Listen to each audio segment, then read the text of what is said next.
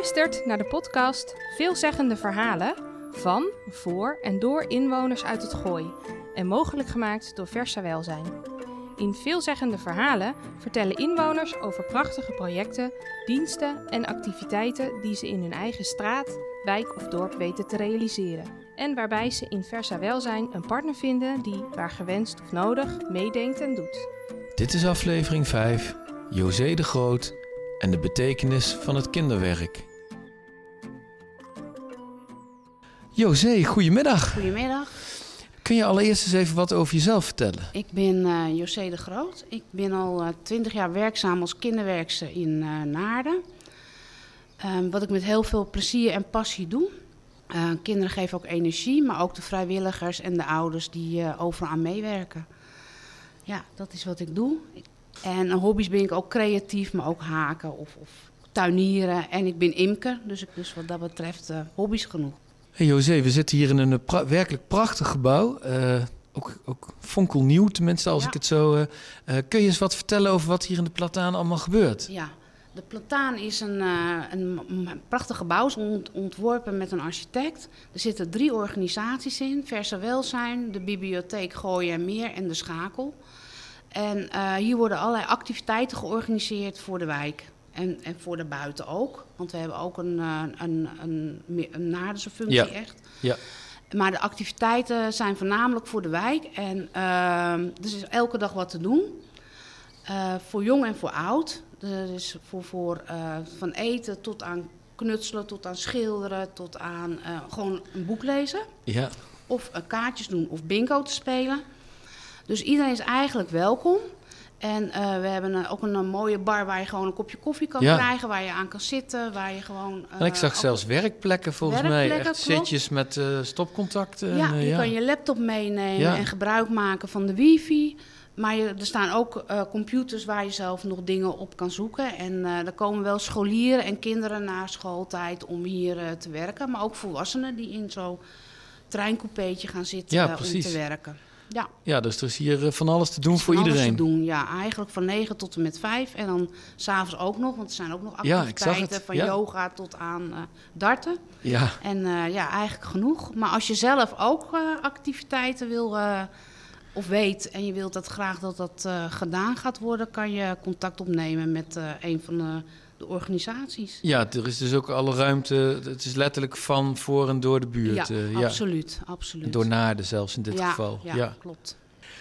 Hey, eh, José, kun jij eens vertellen hoe, hoe jij in, in dit vak bent gerold? Ja, kan ik.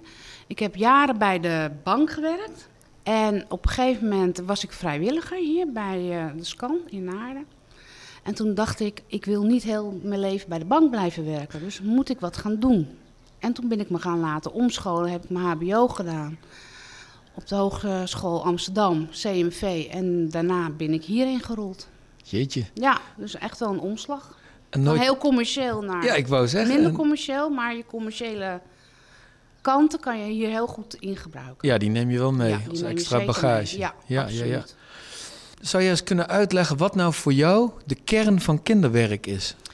De kern van kinderwerk is, je hebt met iedereen contact, denk ik. Eh, zowel met ouders, opa's, oma's, neefjes, nichtjes, tante en ooms. En je kan heel goed de verbindingen zien en de verbinding in de wijk waar wij eh, werken eigenlijk. Kinderen die eh, hier komen, komen in de eerste instantie voor een activiteit. Maar dat is eigenlijk een middel om in contact te komen met de kinderen en daar de vragen eh, uit te krijgen. Wat Ja. er speelt in de wijk en hoe wij daar als sociaal werkers op in kunnen spelen. Ja, Een voorbeeld is bij ehm, de nieuwbouw, denk ik, ook wel heel erg mooi. Eh, kinderen willen zelf ook graag aangeven wat ze hier kunnen doen. Maar ouders vinden het ook leuk om hier wat te gaan doen in dit mooie pand. ja, En eh, daar rollen dan ook weer allerlei leuke activiteiten uit wat onze opbouwwerker doet. Dus eigenlijk maak je dan verbindingen. Maar als er problemen zijn in het gezin, krijg je dat ook wel te horen. Dan Ja. kan je daarop doorpakken en dat kunnen we weer doorverwijzen naar onze maatschappelijke werkers die ook in dit pand zitten. ja, dus alles staat met elkaar in verbinding. Eigen- ja, En de activiteiten zijn naast dat ze hartstikke leuk zijn om aan mee te doen, ook een middel, Middel. om te kijken van wat kunnen we nu in de buurt betekenen, wat kunnen we voor gezinnen betekenen. ja, ja. precies. En de, de activiteiten die wij eh, uitvoeren eh, worden gedaan met vrijwilligers. Eh, bij het kinderwerk heb ik iets van 30 vrijwilligers. We hebben verschillende soorten activiteiten. Zowel educatieve activiteiten als creatieve Ja. activiteiten. Die vrijwilligers zijn meestal ook weer ouders van de kinderen. Maar het kunnen ook een opa of oma zijn. Maar dat zijn mensen die hier eigenlijk even, die dus hier, die hier zijn, waar, waar je iets bij merkt van hé, hey, die willen misschien, of die dat zelf aangeven. Ja. En dan gaan ze wat betekenen. Ja, gaan ze wat betekenen voor ons. En het kan zijn bij de gewone activiteiten van door de week die wij hebben. We Ja. hebben van maandag tot en met vrijdag activiteiten. Maar het kan ook in de vakantieweken zijn. En het kan ook eh, gewoon eenmalige activiteiten Ja. zijn. Ligt er maar net aan hoeveel tijd iemand daarvoor heeft. En eh, waar hun talent zit, zet ik ze in eigenlijk. Want Ja. daar kijk ik ook naar. Ja, wat ze zelf, waar ze zelf energie van krijgen. Ja, precies. Ja, ja. We hebben een vrijwilliger die hier al heel veel jaren meeloopt. En hij is eigenlijk eh, gekomen in de speeltuin als jongetje. En toen heb ik hem naar binnen gehaald. Hij is, eh, eh, zit op een speciaal onderwijs. Ja. En nu heeft hij zich volledig ingezet voor ons in de wijk. En waar hij ook eh, allerlei dingen doet voor ons.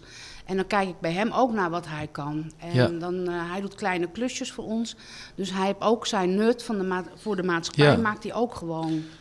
Ja, en ook voor zichzelf. Want Ja. hij zal daar natuurlijk ook hartstikke zich goed bij voelen. Ja. En krijgt natuurlijk contact daardoor ook in de buurt. Precies, maar er zijn ook moeders die jaren niet gewerkt hebben en eigenlijk door het kinderwerk of door vrijwilligerswerk weer aan het werk komen, Ja. omdat ze een bepaalde ervaring hebben. Want ik zeg ook altijd, als je een cv schrijft, zet je ervaring erop van je kinderwerk, van je vrijwilligerswerk, wat je doet.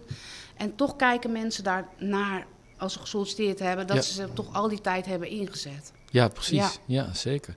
Nee, ik vind het zelf ook altijd zo mooi dat, dat eh, maar goed, dat heb, dat heb ik al een paar keer gezegd in deze podcastserie, dat welzijnswerk altijd zo mooi gelaagd is. Dus dat een activiteit altijd een middel is, dat er altijd van alles achterweg komt, dat het ook weer tot van alles leidt. Ja, En ik, ik vind dan bijvoorbeeld zo'n soort voorbeelden zoals huiswerkbegeleiding. Dan krijg je toch vaak te horen als je op een verjaardag of op een feestje zit.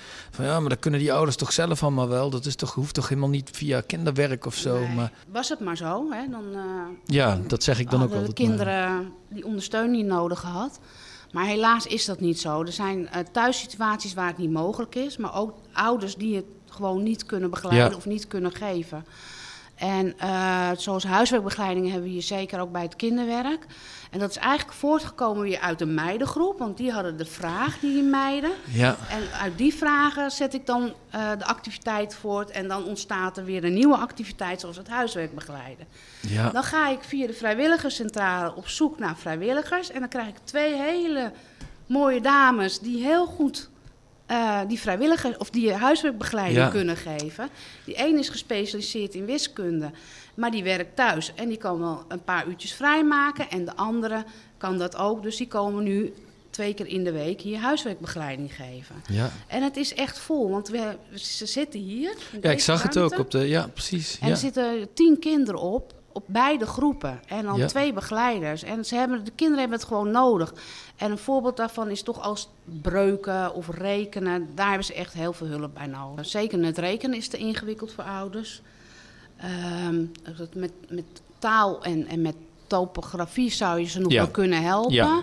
Maar echt, sommigen ook niet met taal, hè, omdat ze anderstalig ja, zijn. ja, dat is natuurlijk ook een ander punt. Ja, precies. Ja, maar rekenen is wel heel eh, ingewikkeld geworden. En ook deze dames moeten van tevoren nog even goed kijken van hoe zit het nou in elkaar. Ja, ik Maar heb- daar, is- daar is de grootste vraag eigenlijk wel naar. Ja, Ja, nou, dat vind ik dan ook weer bijzonder dat het uit de meidengroep, want dat Ja. is ook, eh, nou ja, goed, je, je zal het vast ook wel eens meemaken, maar ik krijg dan ook inderdaad wel eens van, ja, maar waarom moeten die meiden nou eens met elkaar zitten te make-uppen? Dat kunnen ze toch potverdorie ook wel thuis doen. En, maar dit zijn dus dingen die daar, uit voortkomen. dan zit je dus samen te make-uppen en dan komt er dus uit Ja. dat er gewoon problemen zijn met huiswerk en, Precies. tja, Ja, we hebben leesondersteuning hebben we ook. Dat is eh, vier keer in de week. Er komen ook kinderen lezen. Het is een samenwerking ook met de scholen. De IB'er eh, vraag ik of zij kinderen hebben die achterlopen met lezen. Dus we krijgen ook echt kinderen die een achterstand hebben. ja, Dan kunnen ze bij ons even bijspijkeren, om het zo te zeggen. En de school toetst en die kan zeggen van ze kunnen stoppen Ja, of ze gaan verder. En eh, die activiteit is ook weer voortgekomen door ouders die die vraag hebben gesteld aan mij. Om te kijken of we wat konden betekenen voor hun. En zodoende is deze activiteit eh, ook ontstaan. Ja, dat is mooi. Dan komt van het een het ander steeds. En het, Ja. rolt steeds maar verder. En met als, met als, als constante factor, als middel, die activiteiten die hier dus de Ja. hele week door zijn. Ja, precies. Ja, dan komen we toch eigenlijk een beetje terug bij jouw eh, verleden ook bij de bank. Hè? Je, je- de bank had vroeger ook echt een sociale functie. Hè? Dus dat Ja. je erop uitging, dat je, dat je mensen veel meer en veel breder ook kon helpen dan toen je wegging bij de Ja. bank. Maar dat heb je nu dus eigenlijk weer helemaal gevonden hier ook. Ja, klopt. Nee, dat is zeker zo. Ehm, de activiteiten zijn natuurlijk de middelen, maar uiteindelijk is het wel het doel om eh, de kinderen, maar ook de ouders of de moeders die alleen zijn, verder te helpen. En eh, het maakt niet, eh, ook niet uit van welke cultuur je komt. Het is juist heel leuk om met z'n allen verder te komen dan stil te blijven staan eigenlijk. Nou, dankjewel. Ja.